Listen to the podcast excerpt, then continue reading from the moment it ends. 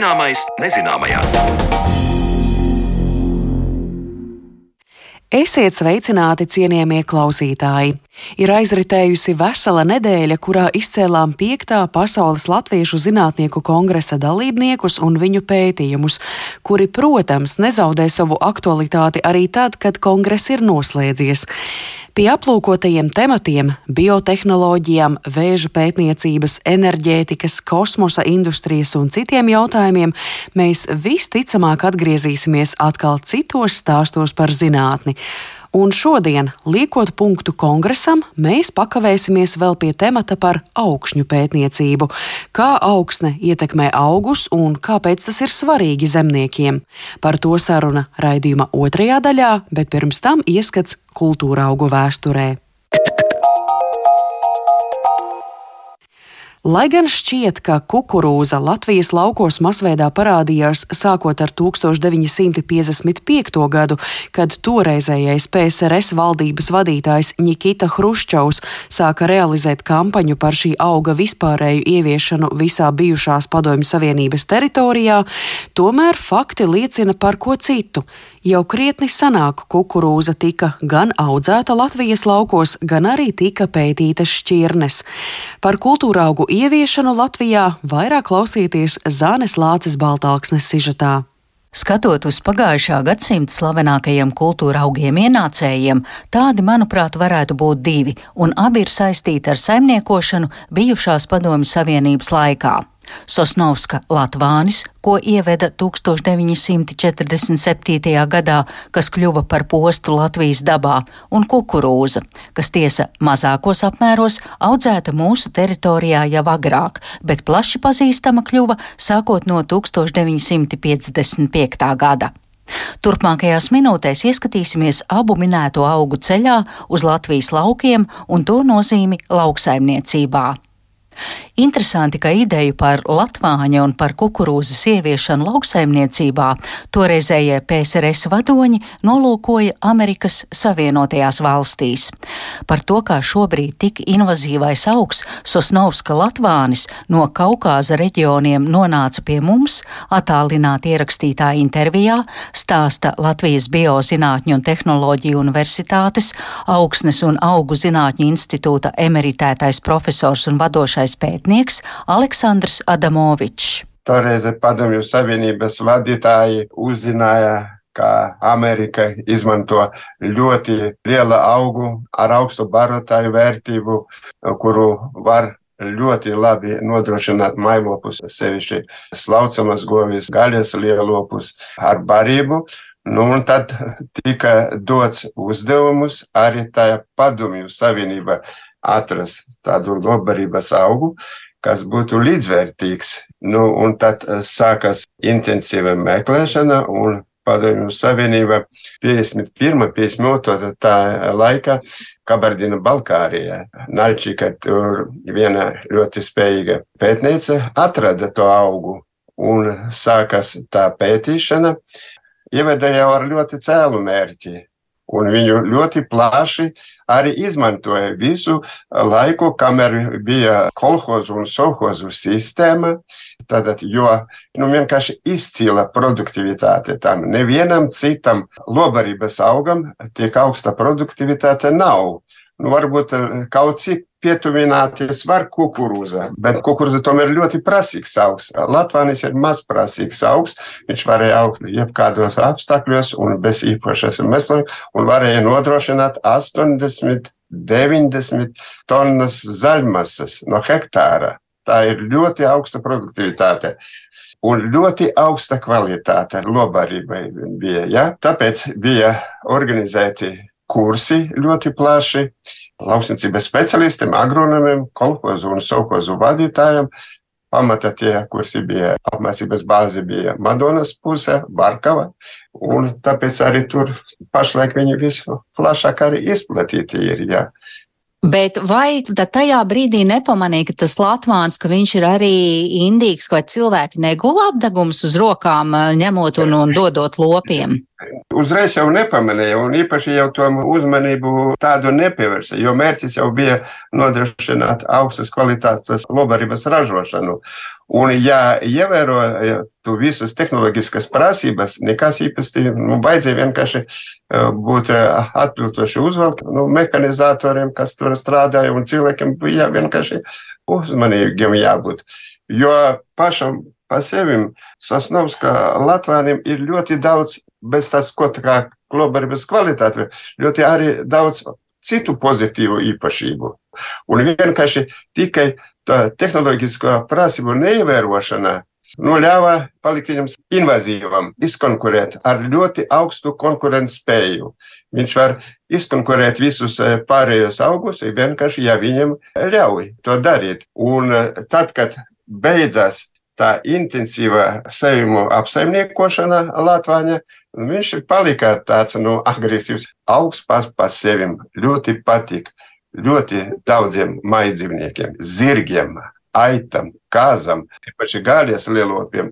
Kamēr lopiņi bez bažām un ar patiku mielojas ar latvāņu sulīgajām lapām, tikmēr cilvēkam šī auga sula nonākusi uz ādas, saules gaismas ietekmē rada ādas bojājumus. Un šobrīd cīņa ar šo agresīvo augu, kas turpina izplatīties Latvijas dabā, nedod vēlamos rezultātus. Turpinājumā Aleksandrs Adamovičs skaidro, kā mēs liederīgi varam izmantot Sosnovska latvāni un kā efektīvāk to apkarot. Jebkura dzīva organisma mērķis ir radīt pēcnācējus. Un tas nozīmē, ka viņam ir jāuziet, jāveido sēkla, un tad ir, jo Latvānis ir monokarpisks augs. Tas nozīmē, ka viņš zied tikai vienu reizi savā mūžā un pēc tam atmirst, sēklas iesveidos, nobirst un atmirst augsts pa sevi. Bet eh, tā intensīva apļaušana nedod vēlamos rezultātus, ja viņš neuziet. Nu, viņu vienkārši jāpļauj tad, kad viņš uziet. Nevajag nu, ļaut viņam nogatavināt sēklas, bet tad būtu rezultāti daudz nu, labākie. Bet uh, tikai tā, kā mēs pļaujam, intensīvi pļaujam un pļaujam, viņš var gadiem saglabāties tādā vegetatīvā stāvoklī. Un kamēr viņš neuziet, nu, protams, daļēji mēs varam viņu nomērtēt, ja viņš nerod, bet tikai daļēji, jo viņš ļoti dzīvot spējīgs, un to ir jāņem vērā. Ja būtu mums Latvijā uzņēmīgi cilvēki, jo Latvijam ir ļoti augsts cukura saturs. Praktiski tagad mūsu cukurrūpniecība ir iznīcināta, tad var cukuru ražot, var ražot spirtu no viņa. Tātad vienkārši tur, kur varētu organizēt sevišķi tajās vidzemes puse un latgales puse kaut ko tādu par rūpnīcu attiecīgu un veiksmīgi tos uh, sējumus izmantot. Tā mēs tiktu galā ar viņu, varbūt pakāpeniski. Protams, tur, kur viņš saudzis mežos un tā tālāk, tas ir grūti, bet klājos laukos tos var veiksmīgi izmantot. Tik tālu ieskats Sosnovska Latvāņa ceļā un izplatībā Latvijas teritorijā, bet turpinājumā vēl viens attālināti veikts ieraksts ar Latvijas Biozinātņu un tehnoloģiju universitātes, lauksaimniecības fakultātes, augsnes un augu zinātņu institūta profesori un vadošo pētnieci Zintu gaili par kukurūzas ceļu uz mūsu laukiem. Masveidā šis augs parādījās pagājušajā gadsimtā 50. un 60. gados, bet, kā teica Zinta Gaile, pirmie dati par kukurūzu Latvijā parādījās 19. gadsimta beigās, kad šo augu sāk audzēt lobarībai. 1896. gadā Skrīveros jau sāka pētīt vairākas kukurūzas šķirnes.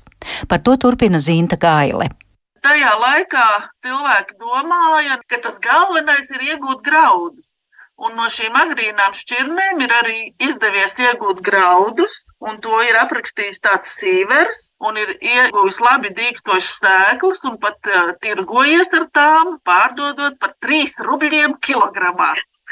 Nu, arī veikts tajā laikā tāds neliels selekcijas darbs, no nu, to laiku izpratnē, protams. Bet interesanti ir tas, ka pavisam labprātīgi zemnieki ieveda kukurūzu Latvijā pēc Pirmā pasaules kara, kad atgriezās no bēgļu gaitām. Tie, kas bija bijuši bēgļu gaitās, Krievijas dienvidos, Urālu priekškalnēs un, un Kaukāzā un dažādās citādākās vietās dienvidos, pārveda to kukurūzu sēklu un ir zināms, ka Latgalē ir audzēta tā kukurūza, pat graudu ieguvēji, Un, nu, tiek uzskatīts, ka tiem laikiem iegūtas labas ražas, apmēram 2,5 līdz 3 tonnas no hektāra kukurūzas graudu. Bet, nu, protams, ka uznāca kādi neražas gadi, un ļoti augsts bija 1928. gads. Arī diezgan neveiksmīgi bija tur vēl daži gadi, un līdz ar to tā kukurūza nepadevās. Un ar zemniekiem jau arī mūsdienās ir tā, ja kādu gadu kaut kas īsti labi nepadodas, tad tās sēklatības uzreiz samazinās. Un tā tas arī bija to kukurūzu, un tā kukurūza varbūt tā tik plaši uzreiz neizplatījās. Arī Latvijas pirmās brīvvalsts laikā toreizējie lauksaimniecības universitātes mācību spēki turpināja pētīt kukurūzas šķirnes. To visu izjauca Otrais pasaules karš, un tad, kā zināms, pienāca 1955. gads, kad toreizējais PSRS valdības vadītājs Nikita Hruščovs sāka realizēt kampaņu par šī auga ieviešanu visā bijušās Padomju Savienības teritorijā. 1953. gadā bija Padomju Savienības komunistiskās partijas septembra plēnums, kas lēma, ka kukurūzas audzēšanas apgabali Padomju Socialistisko Republiku Savienībai jāpaplašina uz ziemeļiem, ieskaitot Baltkrieviju un Baltijas republikas. Un līdz ar to kukurūzu Latvijā ieviesas piespiedu kārtā, paģērot izart zālājus, āboliņa laukus, kas bija tradicionāli Latvijā audzēti lobarībai. Un tā piespiešana notika apstākļos, kad patiesībā uz to brīdi nebija izpētītas ne kādas šķirnes būtu piemērotas, nebija tiem kolhozniekiem un padomu saimniecību darbiniekiem nekādas pieredzes audzēšanā, un ļoti zemas bija mehanizācijas iespējas. Turklāt paģērēja sēta tā saucamās kvadrātliktās. Un, ja tā padomā no šodienas viedokļa, tur vairāk visa kā trūka, nekā bija nodrošināts tādai sekmīgai kukurūzu audzēšanai. Un līdz ar to, protams, bija tautā ļoti liela pretestība, un es tikai esmu dzirdējusi no stāstus, ka nu, bailīgākie tie saimniecību vadītāji, protams, lika to aboliņu izart un tur sēja to kukurūzu. Tie, kas bija drosmīgāki, tie, tie gar malu apsēja kukurūzu un lauku vidu atstāja lietas aboliņus un tie zālaugi vai kas nu, tur bija vairāk labāks tai lobarībai, lai aug. Nu, visādi rīkojās. Un no tā laika arī ir tā iesaukta tā kukurūza pa hrušķau kultūru. Un tie, kas ir vecākās paudzes cilvēki, joprojām vai nu paši atcerās, vai arī nu, caur saviem jau iepriekš vecākiem nu, tos nostāstus dzirdējuši. Un ir tāda skepse pret to kukurūzu audzēšanu.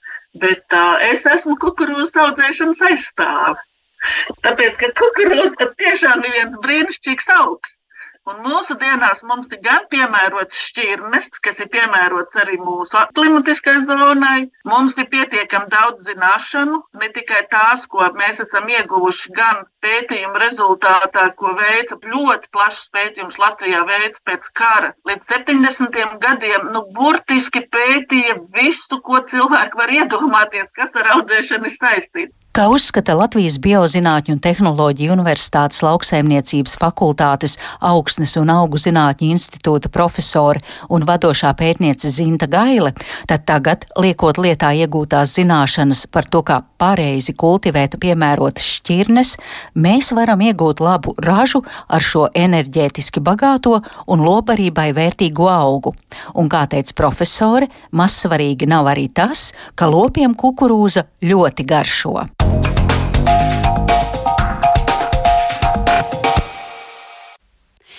Dzirdējāt stāstu par to, kā Latvijā tika ieviesti kultūra augi, un šo materiālu veidoja Zane Lāce Baltalksne. Bet turpinājumā par to, kā kultūra augus un ne tikai kultūra augus ietekmē augsne un kā norit tās pētniecība. Música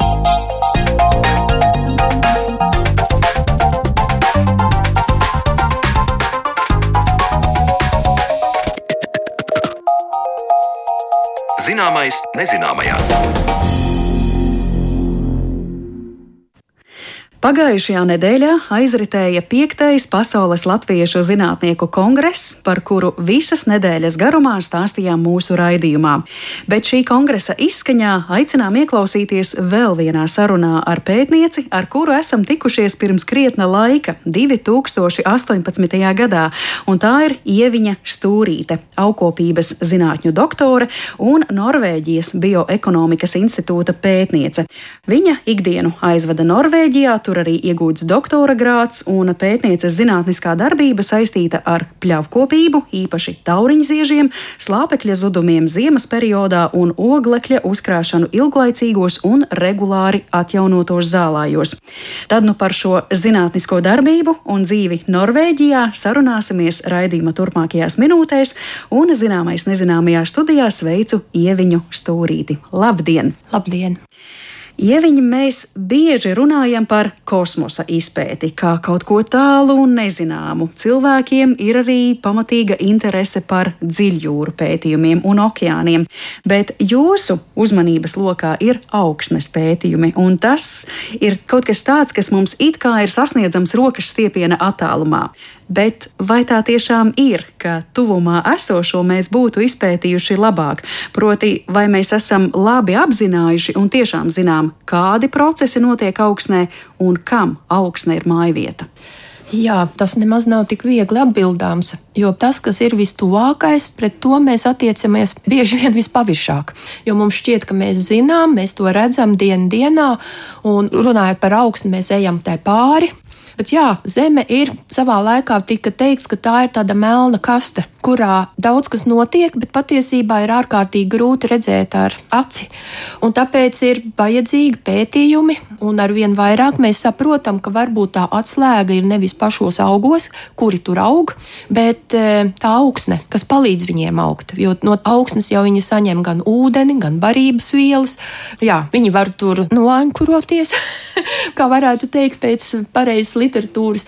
Daudz dažādu funkciju augsne veids.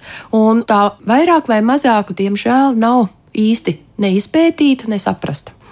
Tad tā kaste joprojām ir diezgan melna. Ja? Jā, protams, un īstenībā ir ļoti pārsteidzoši, jo tad, kad es e, studēju un biju doktorante Norvēģijā, tad es strādāju ļoti daudz ar augu saknēm. Un tas pirmais mans pārsteigums bija, es pie sevis domāju, kad es sapratu, ka man tās saknes jāpēta, man bija jautājums, kā es to darīšu. Jo es domāju, es taču nevaru ierakties pati zemē un sēdēt tur un skatīties, kā viņas tur aug. Un tad es sapratu, ka tas ir ārkārtīgi sarežģīti. Noteiktā apjomā to tu vari pētīt, jo tu izroc un skaties, mazgā tās saknes, tas prasa milzīgu laiku. Arī jābūt pacietībai, jo reizēm ir vajadzīga pincete, lai tās saknītes visas salasītu. Protams, daļa aiztek projām, sevišķi tās sīkākās. Un man tajā laikā likās, nu, ko es daru, nu, labi, tur saknes, saknes, neviens tikpat kā neko tādu, nē, vienmēr aizved pie graudaugu lauciņa, izmēģinājuma stacijā un stāsta, kāda raža un kas tur viss, un man tās saknes. Un man likās, ka es galīgi nenopietnas lietas daru. Bet tajā pašā laikā šodien skatoties manas publikācijas, kas ir saistītas tieši ar sakņu pētīšanu, ar metodiku, visvairāk tiek citētas. Un tas ir apmēram 20 gadu Jūs, Ieviņ, iedavāt tādu labu pavadienu mūsu sarunas turpinājumam par to, kā tad notiek augsnes pētniecība, jo cilvēkam, kurš absolūti ar to nav saistīts, varētu likties, nu kā tas tagad ir. Augsnes pētnieki vienkārši iet pļavās un izvēlas kaut kur augsni, ievāc paraugus un kaut ko no tā mēģina secināt. Es ticu, ka jūs ievācat augsnes paraugus, bet tas droši vien ir pēc kādiem noteiktiem kritērijiem. Protams, augsnes paraugi tiek jā, darīti un ievākti. Ja sāk visu no sākuma, vispirms jau tev ir jāzina, kāda veida augsne tavā saimniecībā saimniecībā ir vai tavā dārzā, un tad visbiežāk tiek rakti profili, augsnes profili. Tas ir diezgan pamatīgs darbs, un tas nav nemaz tā vienā stundā izdarāms, jo tu gribi to profilu varbūt redzēt metru un vēl dziļāk. Un tad ir tie dažādie horizonti. Būtībā vēsturi var izlasīt, kā ir krājies eh, tie dažādie slāņi, bet mēs jau visvairāk esam ieinteresēti tā saucamajā arām kārtā. To, ko mēs aparām, kurā mēs sējam, no tās mēs gaidām visvairāk, mēslojam un tā tālāk. Nu, lūk, un lai tu zinātu, cik tur it kā ir barības viela vai kāda tāda augsne, cik tev viņa ir bagāta, tad tev ir vajadzīgi tie augsnes paraugi, lai tev būtu mazliet kaut kāda nojauta, cik daudz slāpekli pievienot, vai cik daudz fosfora vai kālija. Visi tie elementi ir tie trīs svarīgākie augiem, kaut gan ir arī daudz mikroelementu, kas arī nosaka daudz un tie paraugi tiek ņemti ārkārtīgi vienkārši. Ir vajadzīgs augsnes boris. Tas ir instruments, tāds speciāls instruments. Būtībā tu aizej uz lauku un tu viņu liec augsnē, jo viņš ir tā speciāli izveidots, ka tu vari paņemt tādu nelielu slānīti augsnes. Tāda kā caurulīte. Jā, caurulīte. Ko... Viņam ir tāda mēlīte, jo tad tu vari ļoti viegli viņu dabūt ārā. Jo būtībā augsne jau ir reizēm ļoti sablīvēta un ļoti grūta, un nav tik vienkārši pat ar nazi tur dabūt viņu izķeksēt laukā. Bet katrā ziņā paņem to, un viņš ir noregulēts, cik dziļi tu vēlies, vai 20 cm dziļumā. Tas parasti ir tas nu, klasiskais dziļums. Ja tu vēlies tālāk, dziļāk augsnē, dziļāk par aram kārtu, tad tu ej 40, un varbūt tu vari tikt pat līdz 60 un pat līdz metram. Bet tas viss ir atkarīgs no tā, kāds jautājums tevi interesē. Bet šī šīs vienkāršās augsnes proves, piemēram, Norvēģijā zemniekiem, tās tiek paņemtas gandrīz, neteiksim, katru gadu, bet katru piekto gadu. Jo Norvēģijā ir ārkārtīgi veiksmīgi izveidots konsultācijas dienests, kas patiesībā zemniekam palīdz ar e, kartēm un padomiem pēc šiem augsnes paraugiem un ķīmiskām analīzēm, kas izveido kādu karti viņiem, kā viņiem šajā sezonā rīkoties. Bet tad, kad ja es kā zinātnieks, man parasti nav tik lieli tie lauki, es pie tā zemnieka nē, mums parasti tie lauciņi ir mazāki. Un, protams, kad mēs tad, lai varētu izveidot vidējo reprezentatīvo augsnes paraugu, tev ir jāņem vairākās vietās. Vai nu tu to dari pa diagonāli, vai tu ņem apkārt no dažādās vietās, un pēc tam tu cītīgi to samaisi un paņem vienu paraugu. Un tu uzskati to, ka tas varētu būt tas informatīvais materiāls, kas tev dod atbildi. Bet e, var jau arī apšaubīt to, jo tas ir viss atkarīgs, kur tu tur paņem. Tu vari patiesībā piesaistīt ar GPS ar satelītu visām šīm iespējām, un tad tu vari atgriezties pēc kāda laika un tieši precīzi no tās pašas vietas paņemt paraugu un atkal analizēt. Un tas ir tas jautājums, ja es runāju par ķīmisko sastāvu. Tādā veidā, ja tu gribi zināt par fizikālo, tas varētu būt, cik augsne ir sablietēta, kāds ir tās blīvums, kāda ir augsnes struktūra. Tad atkal to dara savādāk. Tad ir noteikts tāds cilindra formas, tāda caurulīte, kur tu iesi iesit augsnē atkal kādā noteiktā dziļumā, un tad tiek tur daudz kas izanalizēts. Gan, piemēram, ūdens noturības spēja vai filtrācijas spējas un tādas lietas. Tas atkal pasaka, cik tā augsne ir nu, varētu teikt, dzīvot spēju, kāda ir tā struktūra. Nu, un tad nāk nākamais, pēdējais solis, ko mēs darām, varbūt vismazāk, bet mikrobiologi to droši vien darīja jau labi sen. Tad tiek paņemti atkal paraugi, bet tur ir atkal ļoti uzmanīgi. Tu tā nevari ņemt un iet pēc katra parauga, ko tu ņem, tev ir jādezinficē tas rīks, ko tu izmanto. Jo, ja tu gribi zināt, kāda ir attiecības starp eh, sēnītēm un baktērijām, tad lai nesajauktos, jo katrā tai dūrienā ir kaut kas varbūt cits. States. Līdz ar to tev katrs paraudziņš ir unikāls. Nu, lūk, un tā var darboties. Un tad jau mēs tagad esam vēl tik gudri, ka mēs varam iezīmēt gan oglekli, gan slāpekli ar tiem saucamiem 15 atomu slāpekli vai atkal 13 eh, oglekli un tā tālāk. Un tad mēģināt sekot, vai mēs viņu atrodam un kur mēs viņu atrodam. Vai tas ir augos uzņemts, vai tas ir apkārt ap saknītēm. Ir tāds jēdziens rizosfēra. Tā ir visbagātākā gan ar dažādiem izdalījumiem. Tā varētu teikt, jo saknītes ir ļoti dzīves, tur notiek nepārtraukti visādas darbības. Viņas sūta vielas ārpusē, tur ir tik daudz ap tām saknītēm mikroorganismu, kuri gaida, kad es tur varēšu kaut ko vai nu pats paņemt un izmantot, vai iedot tam augam, lai tas augs atkal varētu turpināt augt. Tā kā tas ir liels darbs, un parasti ir tā, ka mēs jau līdz šim bijām ārkārtīgi nu, specializējušies. Vai nu mēs zinām to vienu un ignorējam to nākošo. Nu, protams, kaut kāda saprašana jau par par to sistēmu ir. Bet um, līdz šim jau bija tiešām aizrāvāmies ar to, ja es esmu ķīmijas augsnes zinātnes doktors vai speciālists, tad es tik runāju par ķīmiju. Ja es esmu fiziķis, nu tad jā, jā, nu tur vēl kaut kas varētu būt, un to ķīmiju arī saprotu.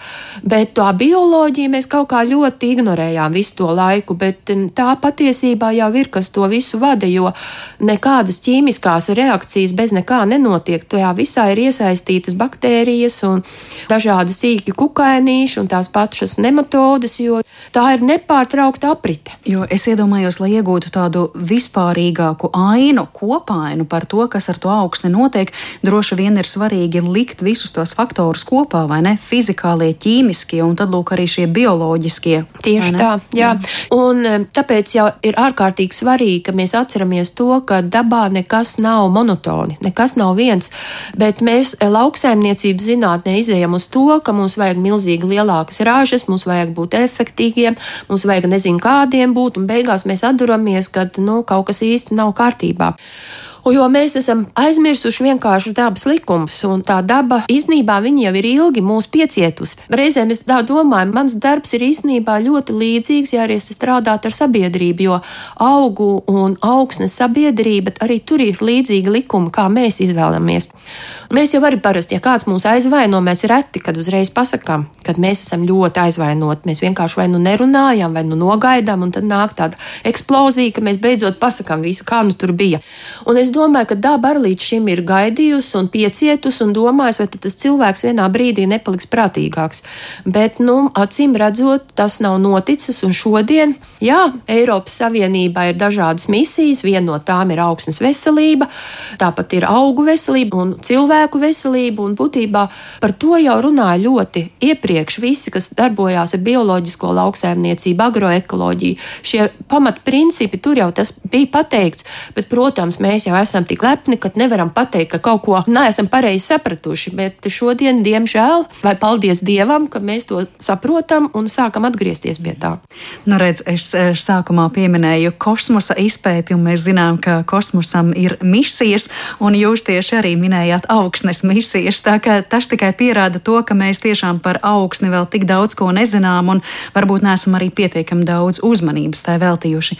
Bet, teiksim, kā ikdienā jūsu darbība Norvēģijas Bioekonomikas institūtā, kā tā iet roku rokā ar zemniekiem, ko jūs arī pieminējāt savā stāstā, viņi pie jums nāk ar lūgumu, lūdzu, apsakojiet mūsu augsnes, lai mēs saprastu, ko mēs tur varam darīt, vai arī jums ir kaut kāds eh, centralizēti dots uzdevums, ka jums tas ir jāizdara, un tad jūs zemniekiem sakat, kā ir tieši no mums, mūsu zināšanas pārnest uz zemniekiem īsti tā nav.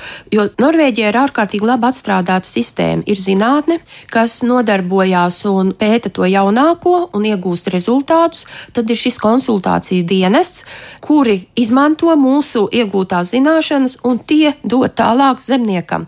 Bet tajā pašā laikā, protams, mēs tiekam aicināti šie konsultatīvie dienesti. Viņi aicina mūs, kad ir kaut kādi semināri tieši tiem zemniekiem vai pasākumi, kurā viņi tad mēģina, lai mēs pastāstām. Bet es uzskatu, ka patiesībā zemnieks mācās no zemnieka. Viņi savā nodabā arī ir pētnieki. Jo tu bez tā nevari. Tie laika apstākļi ir tik dažādi, tās iespējas ir tik dažādas. Bet es domāju, ka īstenībā zemnieki ir iedvesmotāji, jo viņi ļoti bieži mēģina lietas, ko mēs varbūt pat ar savu zinātnisko pieeju neiedomājams. Tehnika attīstās, precīzās tehnoloģijas attīstās. Mēs nespējam reizēm tikt līdzi, jo viņš citreiz piezvan un prasa, nu jā, es nopirku tādu un tādu sēju mašīnu, man nav vairs jāpārāk par, un viņi mazliet tur izveido vadziņas un kaut ko tur eh, pēc tam noblietē, kāda viņi ir, nu, kādas manas domas par to nu, godīgi sakot, es par to sēmašīnas neko neesmu dzirdējis iepriekš. Man arī jāiet tā internetā un skatīties, un, un kad mēs izrunājamies un aprunājamies par to, ka tiešā sēja arī varētu būt, nav tev jāpar, ka ir atsevišķas augu grupas, kas diezgan labi sadīkst arī jau pļavā, bez aparšanas, nu, tad mēs nonākam pie kaut kāda secinājuma. Tas īstenībā atkal dod man iespēju domāt jauniem projektiem, vai kas man būtu jādara un kādā virzienā man jādomā. Jo visu laiku ir jābūt dialogam. Mm -hmm. Jā, jā, ja tā nav, nu, tad tu vari būt super slavens un pasaules zinātnieks, bet nu, kāda jēga tam visam? Jā. Vai jūs jūtat, ka reizēm šajā zemnieku un zinātnieku sadarbībā, ja tāda notiek, ir vērojama arī kāda nu, pretestība, neizpratne no zemnieku puses, jo iespējams šeit varētu sadurties intereses par to, kas, piemēram, videi nāktu par labu un kādas, piemēram, ir lauksaimnieka, zemnieka reālās iespējas. Tieši tā, un tieši tā arī jāprot eh, izvēlēties vārdus, jo tā pati ilgspējība, klimata izmaiņas, kad zemnieks ir būtībā grēkāzes tajā visā. Es gribētu teikt, ka viena liela daļa ir nogurusi no tā, un patiesībā viens otrs eh, neredz vairs jēgu būt zemnieks. Viņš grib atmest ar roku, jo tas nav vienkārši dien dienā to darīt, un visas šīs izmaiņas, kas notiek. Jā, es teikšu tā, ir konflikti. Jo no vienas puses zemnieks ir arī, viņš grib izdarīt to labāko, bet eh, tas nav arī noslēpums, ka Norvēģijā tādu simtprocentīgu zemnieki, kas ir nodarbināti simtprocentīgi, ir ārkārtīgi maz. Pamatā lielākā daļa apvieno ar kādu darbu ārpus savas saimniecības. Un, ja tu to dari savā brīvajā laikā, tu nevari to darīt tieši tad, kad tas ir vajadzīgs.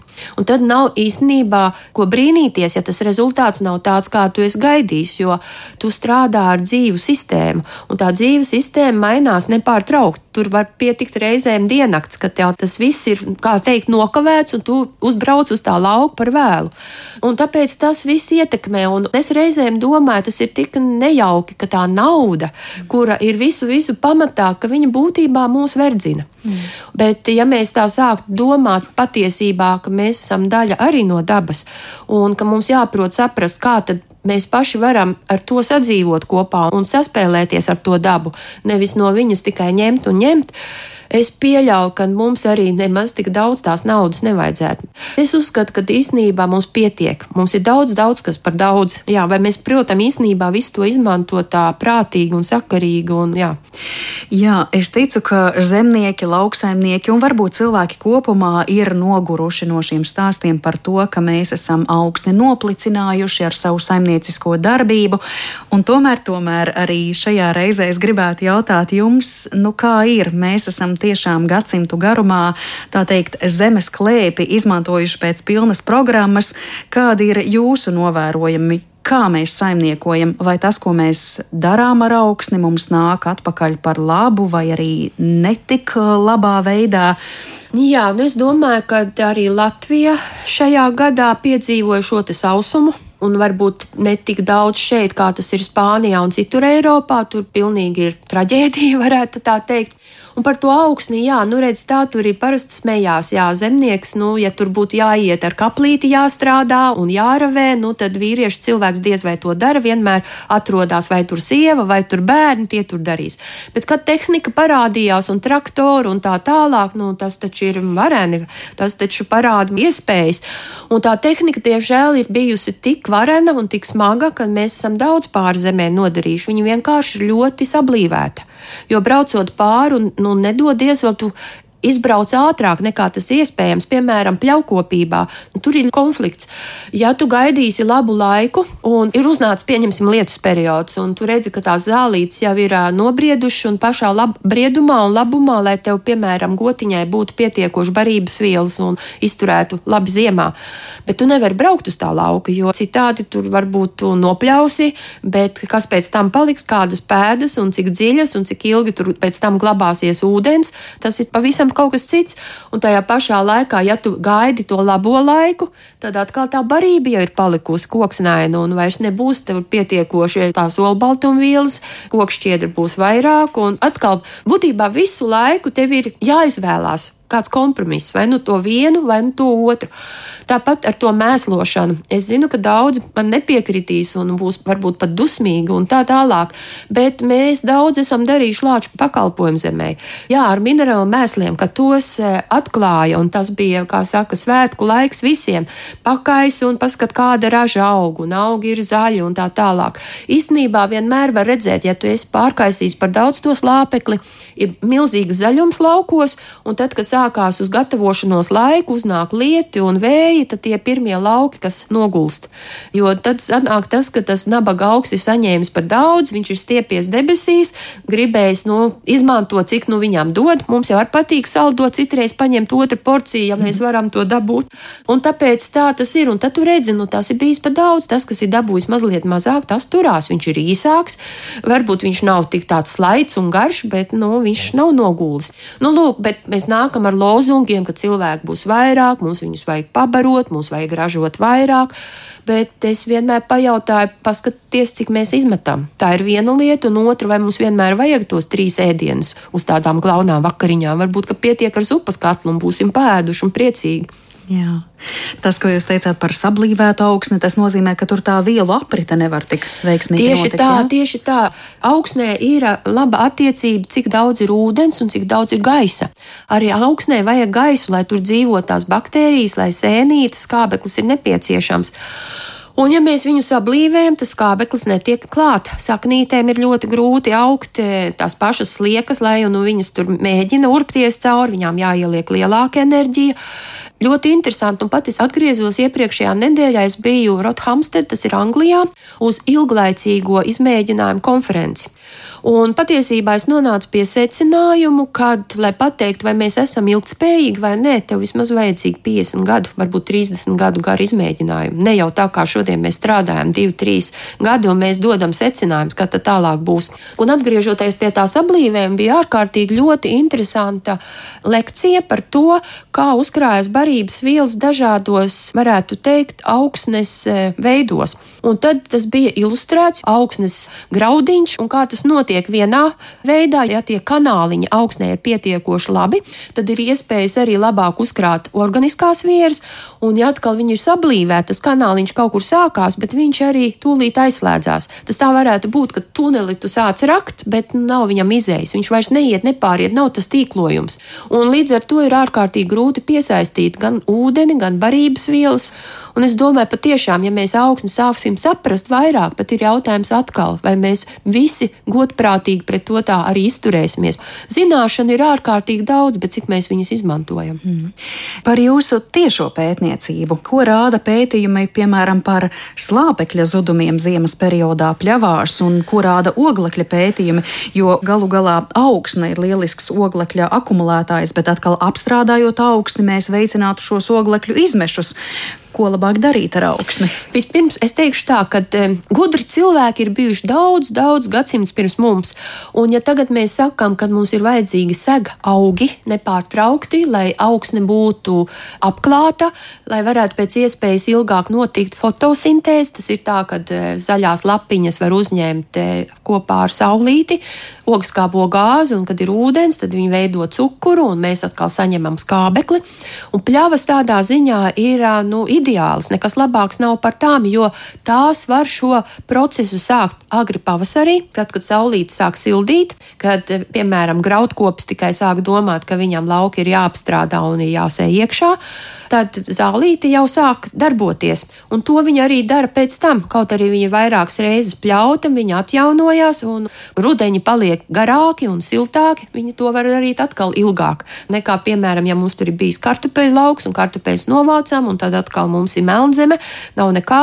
Nu, lūk, un tās zālaugi būtībā ir akumulējuši, uzkrājuši ārkārtīgi daudz oglekļa, bet jautājums ir atkal jauns. Daudz uzskata, jā, jā, ja tu neapstrādās, tad uzkrāsi vairāk, bet ja tu apstrādās, apstrādā, tad ir zudumi un tas nav labi un tā tālāk.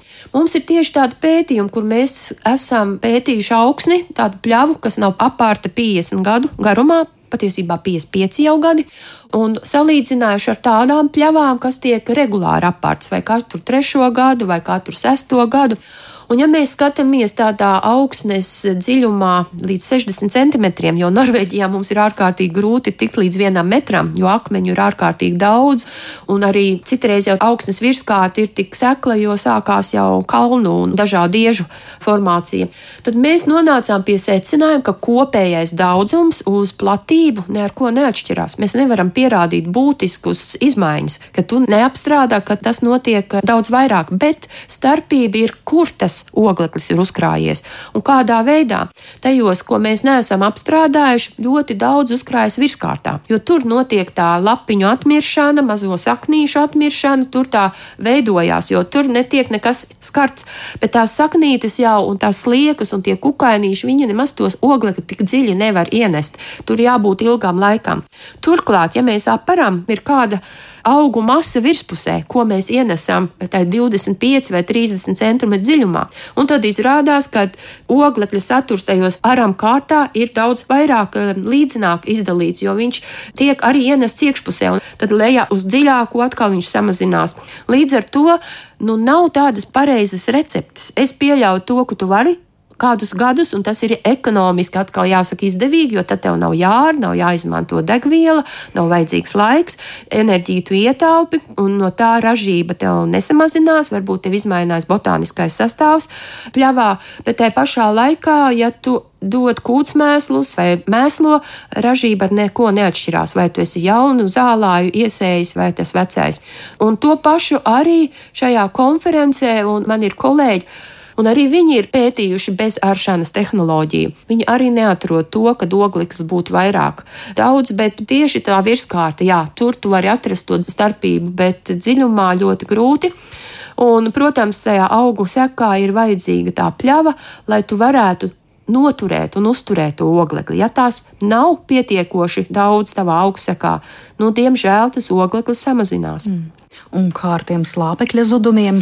Jā, slāpekļa zudumi, protams, arī ir, jo nu, tu neizbēgsi no tā. Augiem ir tāda lieta, kad viņi var kādu brīdi izturēt, bet ja nāk mums šīs e, nestabilās ziemas, kad ir gan sasalšana, gan atkušana, nu, tas būtu tā apmēram. Tev dodēs, tu nedodēs, dodēs, tu nedodēs. Nu, cik ilgi tu izturēsi, tad nu, vai nu būs uz vienu pusi vai otru pusi. Nu, protams, ka viņi salūst tajā visā sistēmā. Un sevišķi tauriņzieši, kur ir bagāti ar slāpekli, ļoti daudz aiziet šajās emisijās. Un zudumi ir. Un tagad Norvēģijā, es domāju, daudzās vietās, arī Latvijā, iet runa par šiem uztvērēju augiem, par segaudiem, kad graudaugu sējot, tev ir jābūt arī pasējam, kurš var turpināt augt pēc tam, kad graudaugi ir novākti. Nu, un ir jau dažādi augi, un sevišķi jau visādas lauku sinepes un tie saucamie eļļas augi. Viņi dod ārkārtīgi lielu biomasu, virs zemes masu, un daudzi priecājās. Nu, jau ārkārtīgi daudz mēs oglekli varēsim piesaistīt, bet nu, pat cik šie augi nav veidoti šajās ziemeļzemēs, tad viņi ir ārkārtīgi jūtīgi pret ziemas saliem un atkušņiem, un tur nu ir diezgan daudz mēs zaudējam slāpekļu. Mm. Diemžēl.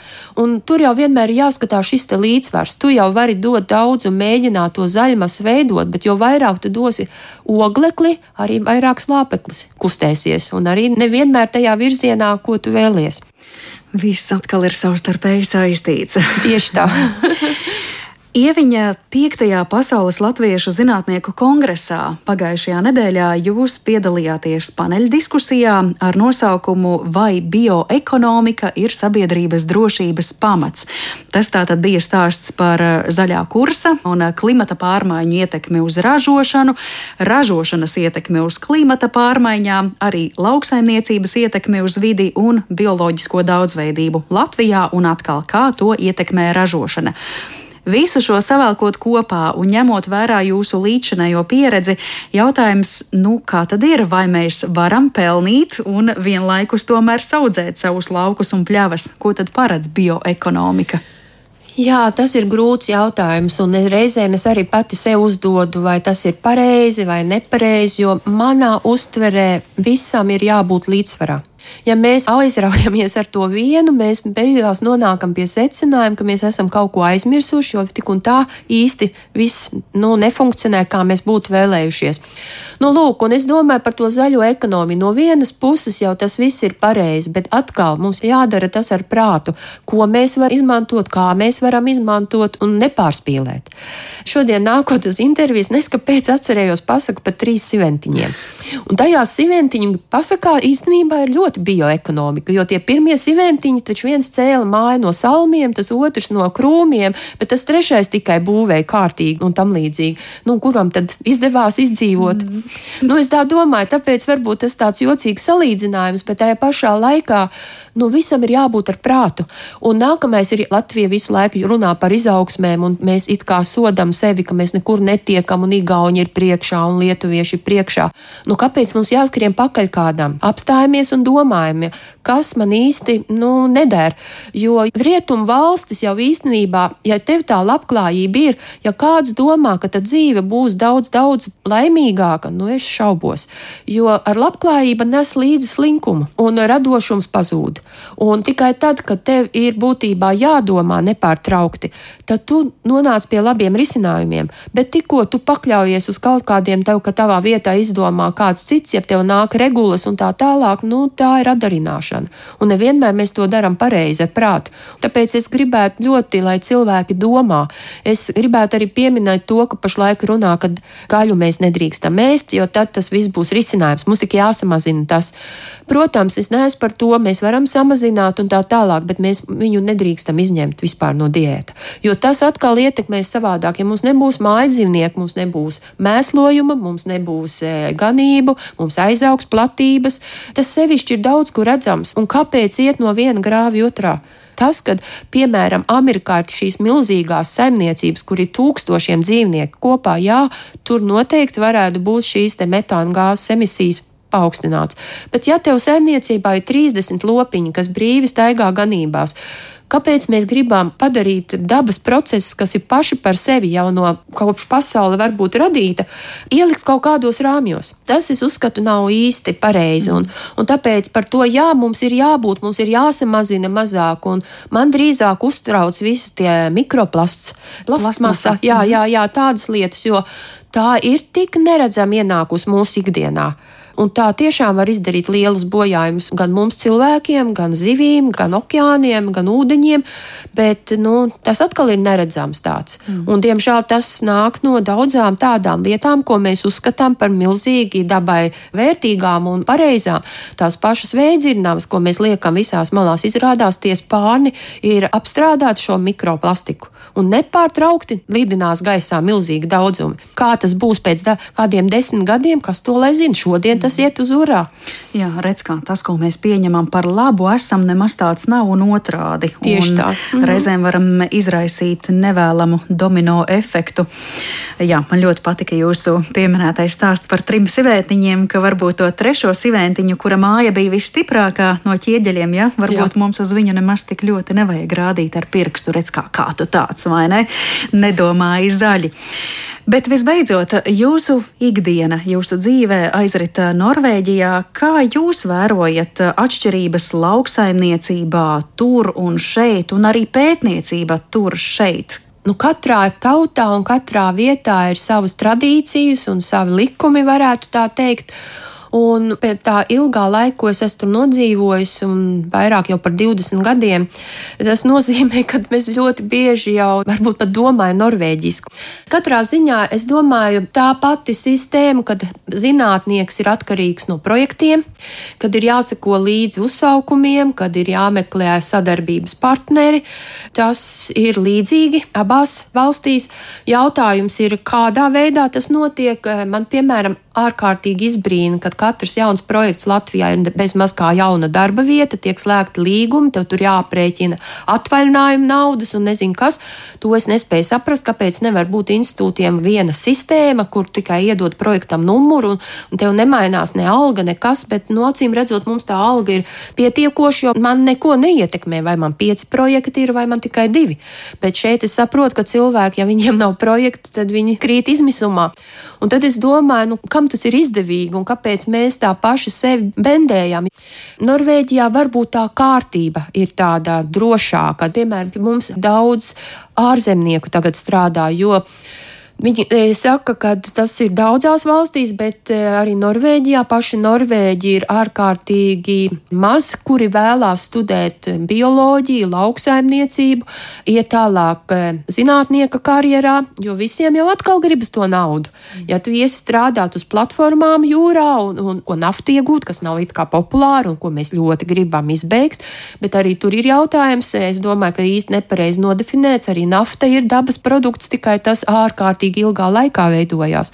Un es pieļauju, ka tie naftas lauki nepārtraukti viņi tiks atklāti un tā, un, un nevajag varbūt ar tādu šausmīgu intensitāti viņu ņemt laukā un, un pārveidot, bet no viņa mēs nespēsim aiziet projām. Nu, to jau realitāte rāda tagad, mm. kas notiekās. Nu, lūk, mums ir vienmēr bijuši šie spilveni, uz ko gulēt. Jā. Tad, kad sākās Covid, varbūt tas arī jāpasaka, tad nu, mēs, Norvēģi, nu, neuztraucāmies. Tur bija viena paka palīdzības, tur bija otra paka palīdzības, un kad tu jautā, no kurienes tā palīdzība nāk, nu, protams, mums ir naftas fondi, kas mums palīdz un tā tālāk. Nu, nebūtu mums to fondu, diez kā mums tur ietu. Bet uh, eh, 20 gadi Norvēģijā tas vienkārši tā likumsakarīgi attīstījās. Jūs aizbraucāt, jūs tur eh, studējāt, ieguvāt tur arī doktora grādu, un tad vienkārši redzējāt, ka strādāšana zinātnē tur arī veiksmīgāk noritēs. Nē, es īstenībā trīs reizes biju. Šī man trešā reize, kad es uz turieni aizbraucu un sapratu, ka man ir jāpaliek. Pirmā reize galīgi es nedomāju tur palikt. Tad es atgriezos atpakaļ un nodibināju ģimeni šeit Latvijā un dzīvoju un strādāju viesītē, mācīju bērniem angļu valodu skolā un domāju, ka nu, varbūt lauksaimniecībā es pat īsti neatgriezīšos. Bet tad man bija mājās ģimene, mans vīrs, tas man uzdrošināja un teica, jā, mem, varbūt mēs varam braukt un visi kopā un tu tur varētu studēt studēt un mācīties un tā tālāk.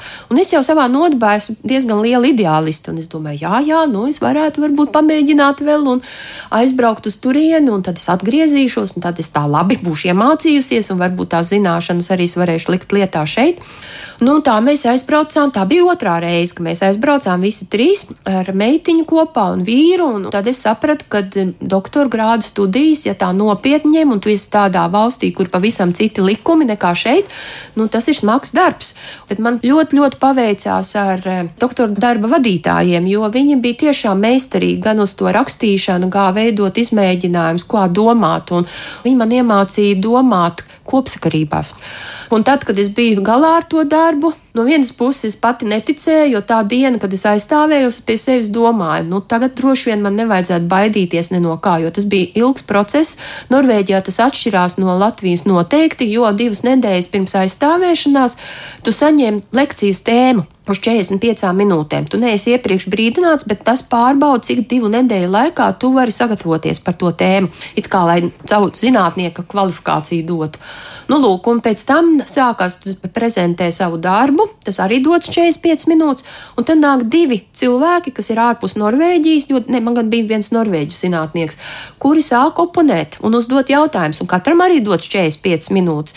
Tad jūs varat iedomāties, ka uz beigām jau tev, kā saka, sajiet viss kopā. Tu īsti nesaproti, ko tu tur atbildi, ko tu neatbildi, jo tu esi satraucies un tā. Un, un tie jautājumi jau vienmēr nav tādi, ko tu domā. Es pilnīgi pajautā tādu, kur tev prātā nav ienācis. Un nu, mēģini pateikt, ka jā, tu tur esi bijis pareizais. Nu, lūk, un tad es atgriezos, strādāju vienu laiku stendē, Stendas graudkopības institūtā. Bet, viena lieta ir domāt par sevi, bet otra lieta ir arī tie tavi līdzcilvēki. Un, diemžēl man jāsaka, ka nebija vienkārši manai meitenei iedzīvoties Latvijas skolā. Un tad es sapratu, ja es gribu glābt, tad man acīm redzot, ir jāatgriežas. Mm. Nu, tā es atgriezos, un tad es sapratu, ka es vairs neesmu nekāda tur jaunā. Man ir jāizdomā tā kā tā.